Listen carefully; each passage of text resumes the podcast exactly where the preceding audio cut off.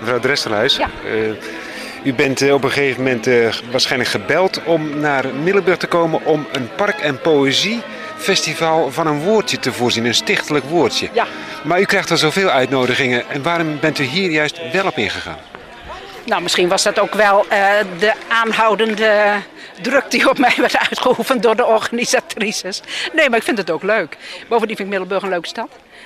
Want ik- Vaker geweest? Ja, vaker geweest. Op van die eh, uitjes van een dag waarvan je denkt, waar ga ik nou eens heen? Lekker lang in de trein en dan ergens aan het eindpunt een mooie stad. En ik vind dit een hele erg mooie binnenstad hebben. Er is mij geloof ik wel verteld dat er veel verwoest is geweest en veel weer opgebouwd. Maar dat hebben ze dan erg mooi gedaan en ik zie het verschil niet. Dus u reist graag binnen Nederland naar cultuursteden. Ja, vind ik leuk.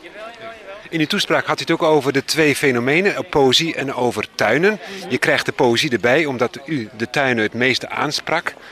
Waarom bent u liefhebster van tuinen juist? Nou ja, dat, dat, ik ben erg een liefhebster van bloemen. En bloemen staan in tuinen, dus zo is de link gauw gelegd. Hè.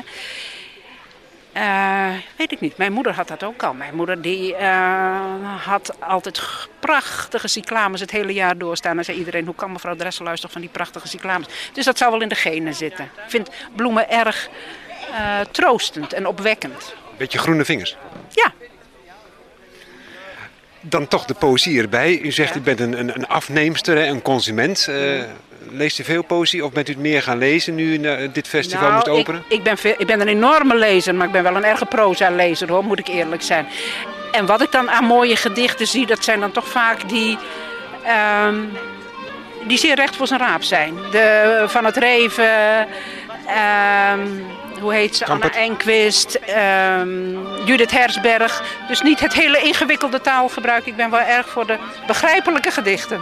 Het moet wel een beetje, het moet niet te abstract zijn. Nee, voor mij niet. Het moet aanspreken. Ja, maar dat zeg ik ook. Als je zo dol op proza bent, dat, er zijn mensen natuurlijk die hebben echt een antenne voor gedichten. Die eh, vinden dat, die genieten eh, van die vorm. Maar ik wil gewoon, waar gaat het over? Is hier een, wordt hier iets, iets interessants gezegd, iets moois gezegd? En of het dan in kwatrijn of sonnet, dat maakt mij niks uit. Nou bent u ook uitgever van het blad Opzij, eh, een, een niet-literair blad, zei u er net bij in het inleidend woordje. Nee. Gedichten mogen ook niet meer geplaatst worden, misschien op de website, dat zult u ons nog laten horen. Ja. Poëzie is toch wel belangrijk voor de ontwikkeling van mensen, denk ik. Jawel, maar wij hebben, vroeger hebben wij zowel korte verhalen geplaatst als gedichten. En daar werd je door overstroomd. Dat is echt niet normaal. Nou, dat betekent dat je daar eigenlijk heel veel ruimte voor zou moeten hebben. En ook een deskundig iemand die het kaf van het koren, want laten we wel wezen, er komt ook veel brandhout op je bureau hoor.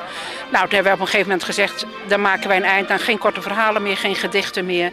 Daar zijn de literaire bladen voor. Maar goed, daar is de website dan natuurlijk wel weer eens mooi voor. Want mensen vinden het zo ja, ze hebben er gewoon verschrikkelijk veel behoefte aan om gelezen te worden door anderen.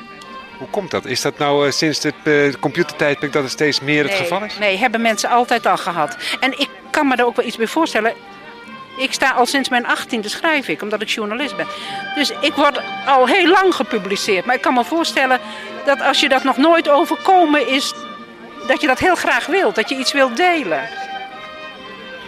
Tot slot, eh, de dag, eh, u gaat de dag in, u gaat de middag in. Hebt u al een beetje een plannetje gemaakt eh, volgens het boekje welke tuin u gaat Nee, bezichtigen? nee, ik ga maar een beetje wat niet al te ver uit de buurt is, waar er een paar bij elkaar liggen. En dan eens even kijken. En dan zal ik, als ik eerlijk ben, waarschijnlijk meer naar de fuchsia's kijken, misschien wel dan naar de dichters. Laatste vraag, de volgeling van Alette Jacobs. de strijd, gaat de strijd nog steeds door? Ja, ja. En dat is niet eens zozeer voor de Nederlandse vrouw. Ook daar moet nog wel wat van gebeuren. Maar als je ziet hoe wij hier in Nederland te, eh, te maken hebben gekregen met een hele grote nieuwe groep van allochtone vrouwen die nog ongeveer voor een deel in de middeleeuwen leven, het huis niet uit mogen, de taal niet spreken, dan denk je, daar moeten we nu echt enorm hard aan trekken. Veel meer nog dan aan de Nederlandse vrouw. Zijn dat de accenten waar u nu eh, uw eh, energie op richt? Ja, ja.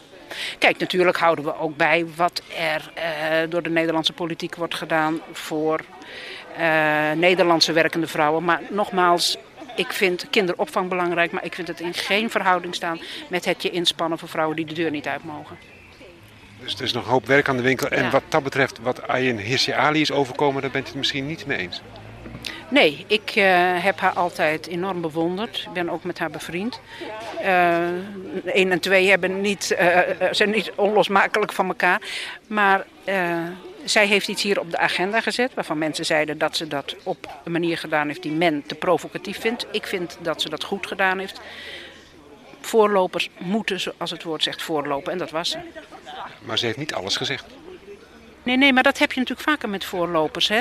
Eh, daarvan zal een hele grote groep zeggen dat gaat me te hard, dat gaat me te snel. Maar dan moeten ze zich wel realiseren dat dankzij zo'n voorloper zij toch op hun manier weer een stapje vooruit kunnen doen. Want die heeft ruimte geschapen, ook voor mensen die het minder snel willen.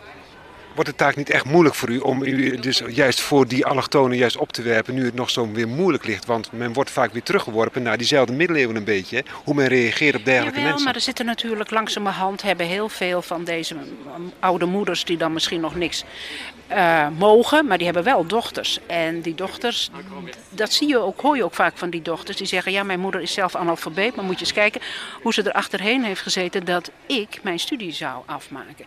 Dus die dochters hebben al een enorme stap gezet. En ik denk dat die dochters ook hopelijk zich in zullen zetten voor de positie van hun moeders en hun tantes en hun oma's. De tweede generatie dus. Ja, tweede, derde generatie. Dat die zich inzet voor de eerste generatie, namelijk de vrouwen uit wie zij voortgekomen zijn. Nou, het is nog geen maandag, het werk is nog niet begonnen. We gaan eerst eens even genieten van poëzie. Ja. En voor u wat dat betreft toch meer, iets meer de tuinen. Ja, dank u wel. Mevrouw Dresselaar, heel hartelijk bedankt. Dag.